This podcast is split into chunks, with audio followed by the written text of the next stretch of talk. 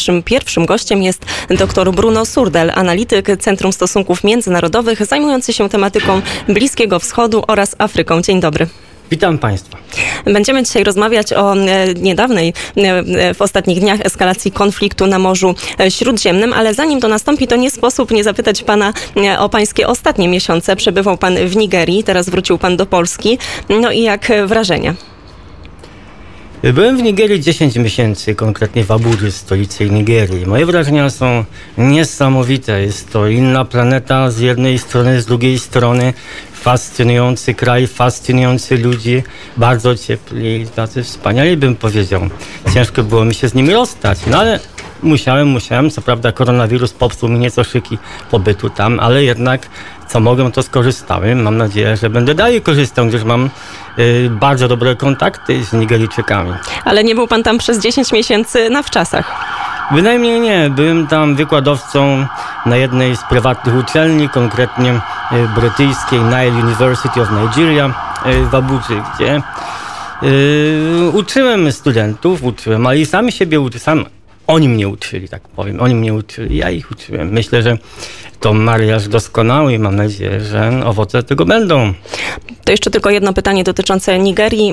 E, wszyscy teraz rozmawiają o koronawirusie, który dotknął już no, praktycznie cały świat. Dotarł on również i tam. E, tak, tak. Z tym, że e, trudno mówić tutaj o jakichś dokładnych danych. Ja tylko powiem jedną rzecz, że problem wynika z niewielkiej ilości robionych testów tak?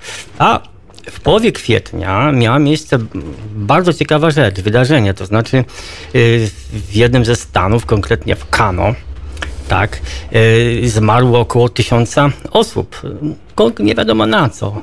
Specjalna komisja rządowa pojechała, badała po tej śmierci, ale co tam mogła zbadać? W każdym razie ustalono, że na podstawie wywiadów społecznych, że te osoby zmarły na koronawirusa. Y, był tam oczywiście w Nigerii lockdown, który mnie także dotknął, bardzo mocno mnie dotknął, tak?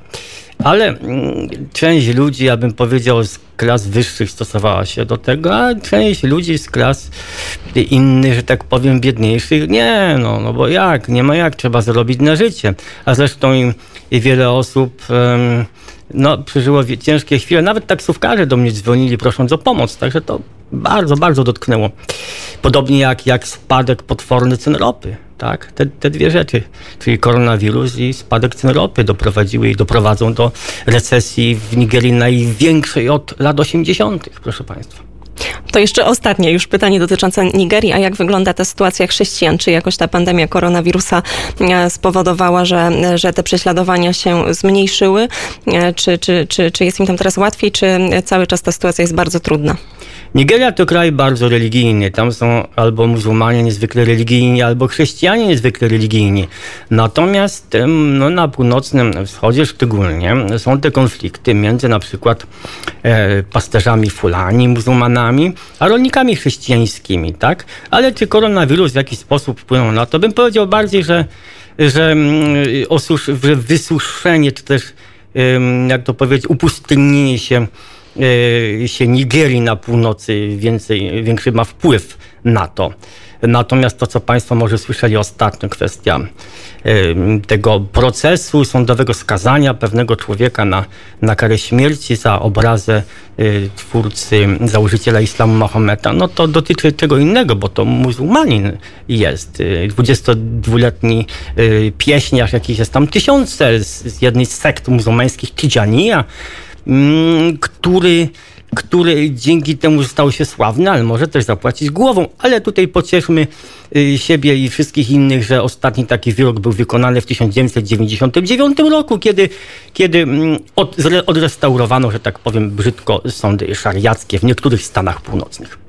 W studio dr Bruno Surdel, analityk Centrum Stosunków Międzynarodowych. My teraz z Nigerii przenieśmy się już na Morze Śródziemne. Mamy w ostatnich dniach duże napięcie, jeżeli chodzi o e, surowce na Morzu Śródziemnym, ale nie tylko. To jest e, napięcie w relacjach grecko-tureckich. W tle mamy wiele innych państw. To może e, na początek przybliżmy, o co w ogóle chodzi w tym sporze. Ja najpierw mam bardzo dobrą informację, jak na dzisiaj, tak, że Szwajcaria zgodziła się prowadzić, y, pośredniczyć w rozmowach pomiędzy Turcją a Grecją i to poinformowali Turcy. Dzisiaj e, minister spraw zagranicznych Turcji Mevlut Cavusoglu poinformował. No, sprawa jest długa, trudna bym powiedział, wieloletnie zmagania i problem z nierespektowaniem, nierespektowaniem granic morskich, ale o co chodzi tutaj? W listopadzie ubiegłego roku, jak wiemy, rząd trypolitański w Libii, ja to nazywam rządem trypolitańskim, gdyż on nie panuje nad, nad całością Libii, bynajmniej nie nad Cyrenajką, tak? E, e, zdecydował się na porozumienie z Turcją dotyczące rozgraniczenia E, stref, szczególnie wyłącznych, wyłącznej strefy ekonomicznej. To doprowadziło do furii oczywiście Greków i Grecy niejako w słodkiej zamieście 6 sierpnia podobną umowę zawarli z Egiptem, co z kolei doprowadziło do furii Turków, którzy uznali tę umowę za niebyłą, nieważną, nieistniejącą i natychmiast wysłali swój okręt badawczy do badań tak, gazów na Morzu Śródziemnym. Jest to okręt, który nazywa się uroczo Oruć e, Reis. Ale tutaj wplątane są inne kraje, chociażby Malta. No, ten malutki kraj, e, członek Unii Europejskiej. Dlaczego on jest? No, z prostej przyczyny, dlatego że chodzi o migrację. Ogromna ilość e, migrantów, szczególnie z Afryki subsaharyjskiej, ale także z innych krajów. No i jakie korzyści może osiągnąć Malta poza ryzykami? Które się kryją za, za czym właśnie? Ano za dwoma spotkaniami, jedno w Ankarze, drugie w Trypolisie, pomiędzy y, Maltańczykami Turkami, a tym rządem trypolitańskim. I y, Malta uznaje ten rząd międzynarodowy, tak uznany zresztą przez ONZ, i Turcy mają chrapkę na jedno na lotnisko na Malcie, z którego mogliby bombardować sobie takiego strongmana, Halifę Haftara, który zarządza wschodnią częścią Libii. A ta wschodnia część Libii jest niezwykle istotna właśnie ze względu na porozumienie pomiędzy, pomiędzy Turcją a Libią. A to dlaczego? Dlatego, że te strefy ekonomiczne, no one właśnie prowadzą do tej części wschodniej rządzonej przez Halifę Haftara, gdzie jest Tobruk, gdzie jest Bengazi, gdzie jest Dera. I, I, jeżeli Turcja nie opanuje tych części, to z tej umowy nic. Ale zresztą tu muszę dodać jedną rzecz ważną, że y, rakiem się wycofuje troszkę ten rząd trypolitański z umowy, gdyż stwierdził y, pan Fayez Sarraj w lipcu pod koniec, że no on został zmuszony przez Turków do tej umowy, proszę państwa. Został bezczelnie zmuszony, ale i tak będzie chyba respektował, dopóki będzie musiał. Ale w Libii mamy również Rosję, mamy Francję, bo to wszystko, to wszystko tak, są, tak. jest bardzo Rosja są powiązane jest bardzo ciekawa tutaj, dlatego że y, po pewnym czasie i, tak powiem cichości w tym zakresie y, Rosja i Kreml, Putin y, uaktywnili grupę Wagnera, która od wielu lat tam się szarogęsi. Tak, i pomaga Halifie Haftarowi. A zresztą tutaj muszę dodać jeszcze jedną rzecz, że to jest także Arabia Saudyjska, jest także Zjednoczone Emiraty Arabskie. Ale Zjednoczone Emiraty Arabskie... Miały się zaangażować tam. Tak, one mają nawet bazę na wschodzie Libii, bombardującą rząd trypolitański. Ale tutaj Zjednoczone Emiraty Arabskie to jest, y, wie pani redaktor, grubsza sprawa, dlatego że teraz jest, są rozmowy pokojowe sponsorowane przez Donalda Trumpa między Izraelem a Zjednoczonymi Emiratami Arabskimi.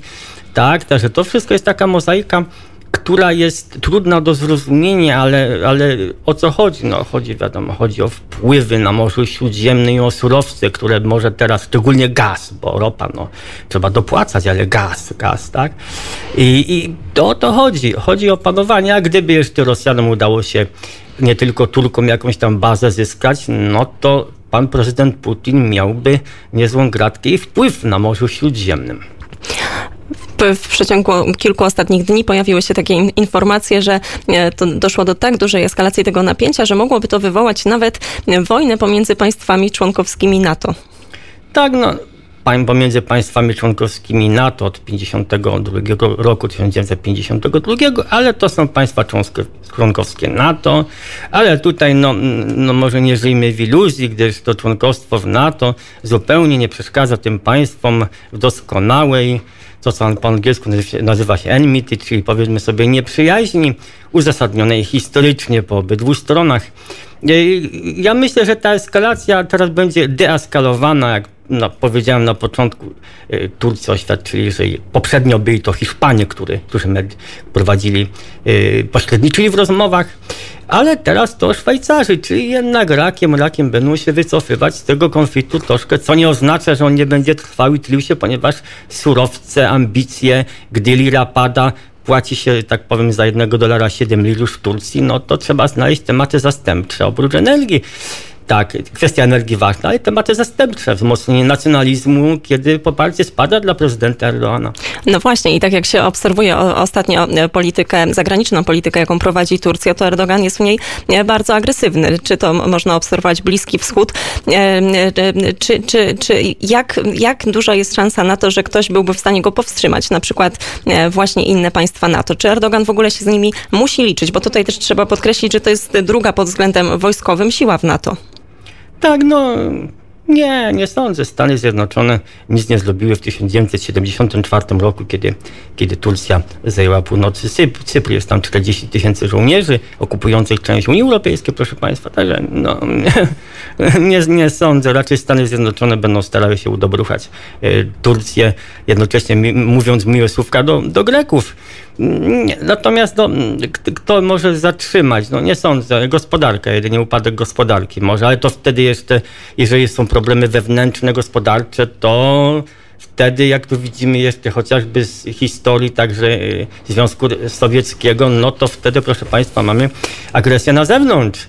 A no mamy teraz już na przykład e, kontynuację czy eskalację napięcia no, no, w północnym Iraku, gdzie nawet padł, padli ofiarą tureckiego ataku, no niechcący oczywiście, dwóch oficerów padło ofiarą tak wysokiej rangi irackich, którzy ponoć mieli rozmawiać z PKK, czyli partią y, pracujących Kurdystanu, ale z drugiej strony jest rzecz niezwykle interesująca, proszę Państwa, że wiadomo, rząd y, autonomiczny kurdyjski w północnym Iraku, no on się, Barzani, klan Barzani dogadał się z Turkami, wbrew zresztą Bagdadowi od 2010 roku, co najmniej no, eksportują sobie ropę, tak, y, poprzez y, porty tureckie. I na to samo mają chrapkę także Kurdowie w Syrii, którzy w osobie y, szefa sił kurdyjskich sprzymierzonego z Stanami Zjednoczonymi, pana Mazluma Kobani,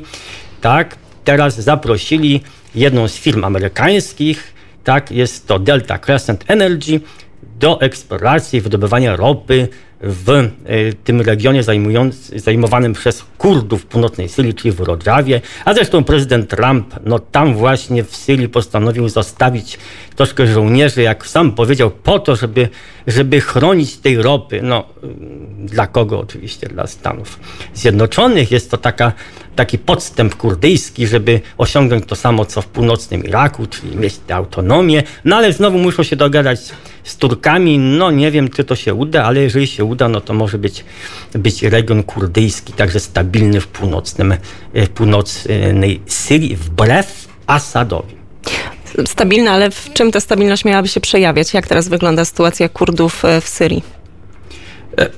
E, sytuacja wygląda tak, że jest, e, tak powiem, sytuacja jest zamrożona. To dzięki jednak naciskowi na prezydenta Trumpa no ale ta sytuacja nie może trwać wiecznie i w jakiś sposób trzeba rozwiązać. Stąd na przykład jest podejrzenie bardzo brzydkie, że Stany Zjednoczone e, niedawno wysocy przedstawiciele e, Departamentu Stanu i Obrony rozmawiali z partią pracujących Kurdy, Kurdystanu z, za, z zarządem, że tak powiem, z dowództwem raczej e, w górach Kandil pomiędzy Irakiem a Iranem, gdzie jest ich dowództwo, żeby się wynieśli żeby się wynieśli z Syrii, to wtedy Stany Zjednoczone pomogą ustabilizować sytuację, e, jeśli chodzi o Kurdów i Rożawę, no właśnie, e, w Syrii. Oczywiście Amerykanie temu zaprzeczyli, ale wiadomo, że należy wierzyć e, w dementowane wiadomości, a nie potwierdzane, także coś jest na rzeczy, tak, coś jest na rzeczy. Bardzo serdecznie dziękuję. Gościem popołudnia wnet był dr Bruno Surdel, analityk Centrum Stosunków Międzynarodowych, dziękuję ekspert serdecznie. zajmujący się tematyką bliskowschodnią i Afryką.